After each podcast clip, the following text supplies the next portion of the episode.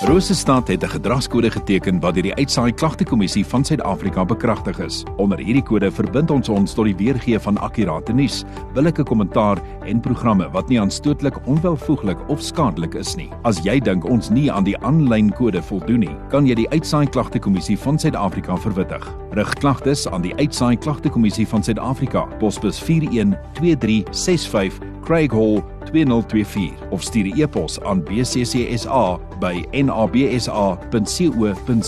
Vir verdere inligting, besoek www.bccsa.co.za.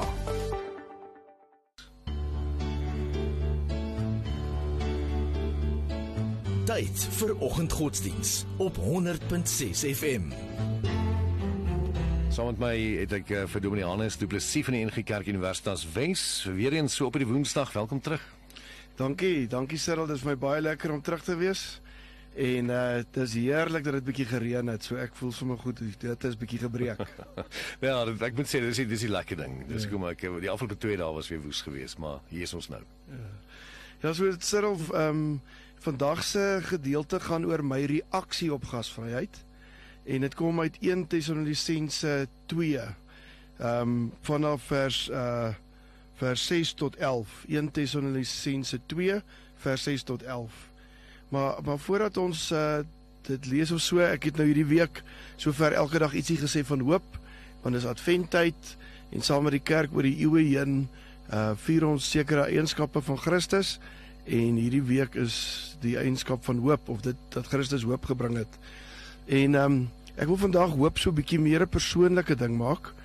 En uh ek wil iemand met die naam Blyd Plaskal aanhaal wat 'n uh, wat 'n uh, baie jare terug 'n uh, wetenskaplike was, maar wat ook oor geloof en sy eie geloofsreis geskryf het.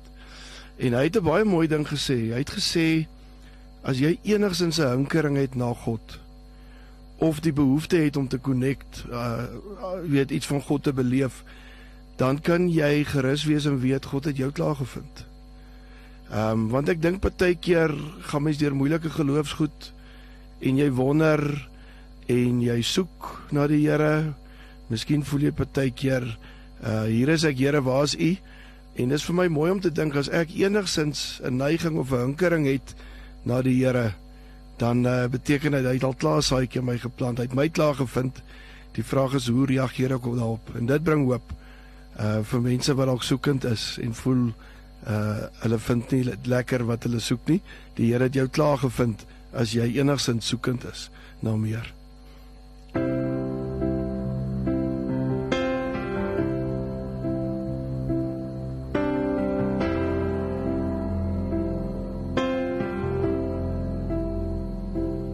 Finding myself at a loss for words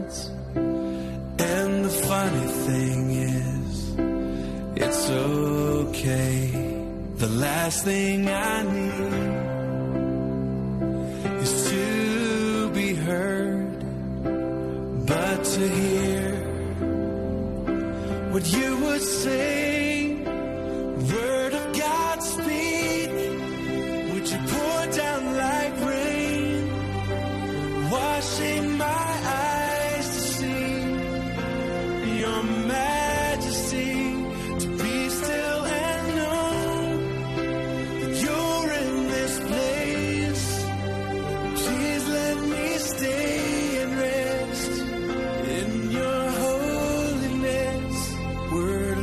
God speak.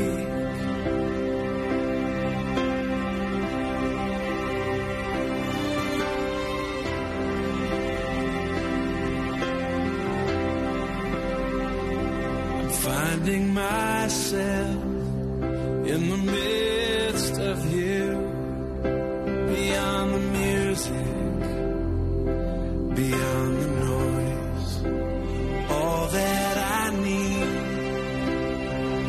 is to be with you, and in the quiet, hear your voice.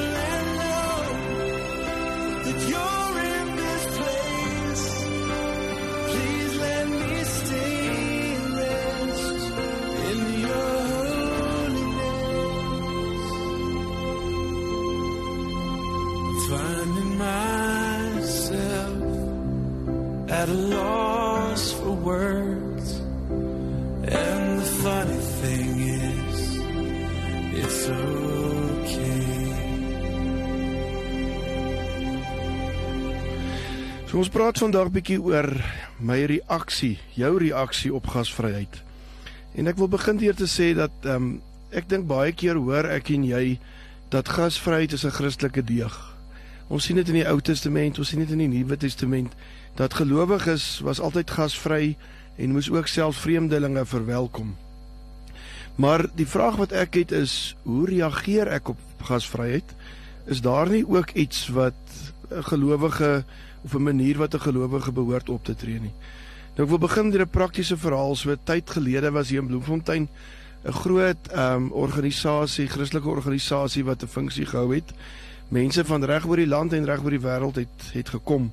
En daar's 'n paar gastehuise in Bloemfontein wat hulle deure oopgemaak het en gesê het omdat dit uh, oor geloof gaan, oor uh oor die Christelike geloof gaan en ons gelowiges is, wil ons graag vir hierdie mense verniet verblyf gee. En 'n hele paar mense het dan ook uh verniet verblyf gekry in gastehuise wat gewoonlik 'n hele paar rand gekos het.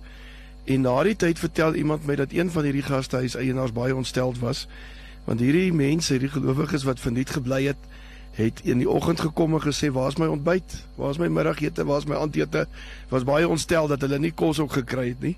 En die belewenis van van die mense was dat ons ons is gasvry, ons maak ons ons bied die plek aan, ons kon geld gemaak het in hierdie tyd en ons gee dit vir jou verniet, maar dis hoe jy met gasvryheid werk, jy soek meer en jy soek nog en jy is nie tevrede nie. So ek dink tog daar moet een of ander manier wees waaroor ons as gelowiges oor gasvryheid dink. En een van die mooiste voorbeelde vir my vir gasvryheid kom uit 1 Tessalonisense 2. Nou net so voor ek lees Tessalonisense, die gemeente daar is 'n besondere gemeente want die gemeente ehm um, het ontstaan na so 3, miskien 4 keer wat Paulus in sinagoges gepreek het. En toe is hy uit die stad uitgejaag deur die leiers daar, die oudstes, die mense wat uh, die stad beheer het en moes hy vlug. En uh, hy was eintlik baie kort daar en hy was baie bekommerd. Maar later 'n uh, tyd nadat hy daar weg is en gedink het die vervolging en die geloof van die gemeente gaan nie die tyd deurstaan nie. Het Timoteus vir hom 'n brief teruggeskryf en gesê jy sal nie glo nie. Dis net die Heilige Gees wat dit kan doen. Hier groei die gemeente en dit gaan goed. So dis 'n voorbeeld vir my uit die vroeë kerk dat deur 'n kort tyd van 'n maand se prediking en se voorbeeld Paulus dit reg gekry het saam met Silvanus en Timoteus om so te lewe en so die woord uit te leef dat daar 'n gemeente ontstaan het wat gegroei het ten spyte van vervolging en moeilike omstandighede. So kom ons lees nou 1 Tessalonisense 2 vers 6 tot 11 en hoor of jy so tussen die lyne kan hoor wat ons uit hierdie gedeelte van gasvryheid kan leer. Ook het ons nie die eer van mense gesoek nie nog van julle nog van ander alhoewel ons as apostels van Christus eise kon stel maar ons het klein kindertjies in julle midde geword soos wanneer 'n moeder haar eie kind voed en koester. En omdat ons op hierdie wyse na julle verlang so het ons dit goed gedink om nie net die evangelie van God aan julle mee te deel nie maar selfs ook ons eie lewens omdat julle vir ons geliefd geword het. Julle onthou tog ons moeite en harde werk broers terwyl ons bedags en snags gewerk het sodat ons vir niemand van julle 'n las sou wees nie. Het ons die evangelie van God aan julle verkondig. Julle is ons getuies en ook God hoe heilig en regverdig en ons berispelik ons geword het vir julle wat glo. Net so weet julle ook hoe ons vir elkeen van julle soos 'n vader vir sy eie kinders was. Nou ons gaan net tot sover lees. Vir my interessant is is Paulus se manier um om na mense in gemeen of uh, gemeenskappe die boodskap te bring was dat hy maar by mense aangegaan het. Hy het op gasvryheid staat gemaak. Mense wat dalk in die sinagoge was of so of ander gelowiges wat daar dalk reeds was, het hulle huise oopgemaak en gesê Paulus is vir ons 'n voorreg kom bly by ons. En in hierdie gedeelte sien ons hoe Paulus daarop reageer het. En dis vir my eintlik baie mooi. Want die eerste ding wat hy sê is hy sê ons kon as apostels baie eise gestel het. Hulle kon gevra het vir 5-ster hotelle. Hulle kon gesê het julle moet ons klere was, julle moet dit doen, julle moet dat doen. Maak seker ons koffie is langs ons bed as ons wakker word, ontbyt, middag, aandete, noem dit op. Paulus as apostels, mense wat die evangelie gebring het en ehm um, wat baie belangrik was in die vroeë kerk, kon kon regtig op baie staat gemaak het. Maar hulle het nie. Inteendeel, hy sê hulle is so klein kindertjies. Uh, hulle kom in nederigheid en hulle hulle hulle hulle stel nie hoë eise nie al kon hulle dit wel doen. En dan is dit ook interessant dat hier duidelik staan hulle het hard gewerk en elke dag gewerk sodat hulle nie 'n las is vir die mense by wie hulle was nie. Met ander woorde, hulle het nie agteroor gesit op 'n rusbank en uh, soos in 'n 5-ster hotel gesê gaan al vir my dit doen vir my dat nie. Hulle het by die huis wat hulle gebly het, het hulle regtig hard gewerk. Het hulle probeer om nie 'n las te wees nie, maar 'n bate, iemand wat daar is om 'n verskil te maak. As ek nou so daaraan dink, sommer net 'n praktiese voorbeeld. Jy weet as my pa by my kom kuier, ek los baie keer vir die praktiese goedjies, die pype en die krane, want as my pa kom, hy het baie ervaring met sulke goed dan sal hy sal hy nou nogal nie net kuier nie, maar hy sal sommer 'n paar goed regmaak. Dieselfde met my ma. So dis iets van daai van uh, dit was hy wou dit vir hulle lekker maak dat hy daar was. Hy wou nie 'n las wees nie en hy het dit ook so reg reg gekry. En dan sê hy ek het vir julle lief geword en dan sê hy hulle het onberispelik opgetree in hulle daar wees. So hulle het lokkies soos varke gedra nie. Ek het al met mense met gastehuise en hotelle gepraat wat vir my sê daar's party mense wat daar uitkom as hulle daar weg is is die bed gebreek en die kaste stukkend en die mat het gate in en al sulke goed. Nou lyk dit vir my asof Paulus vir ons die voorbeeld stel om te sê nee. Los die plek beter as wat jy hom gekry het. Lewe sodat niemand na die tyd kan sê nie jy het nou weer dit gedoen en daai Paulus, hy moenie weer kom nie want dit of dat. Dit is wat onberispelik beteken. Niemand moet na die tyd 'n vinger kan wys nie. En Paulus en Timoteus en Silvanus het juis so geleef dat hulle 'n bate was vir die gemeenskap en nie 'n skaamte of iets om oorskaam te wees of hulle het nie arrogant 'n klomp eise kom stel nie. En dit het 'n groot verskil gemaak. So ek dink Paulus leer vir my en vir jou dat wanneer ek en jy gasvryheid beleef op watter manier deur wie ook al dan is die manier hoe ons reageer op gasvryheid 'n getuie op sigself. Met ander woorde die manier wat ek en jy die gastehuis los, die mense by wie ons kuier, selfs miskien die mense by wie ons braai, die skottelgoed, deesdae het ons baie keer skottelgoedwassers, dit getuig op sigself van ons verhouding met die Here.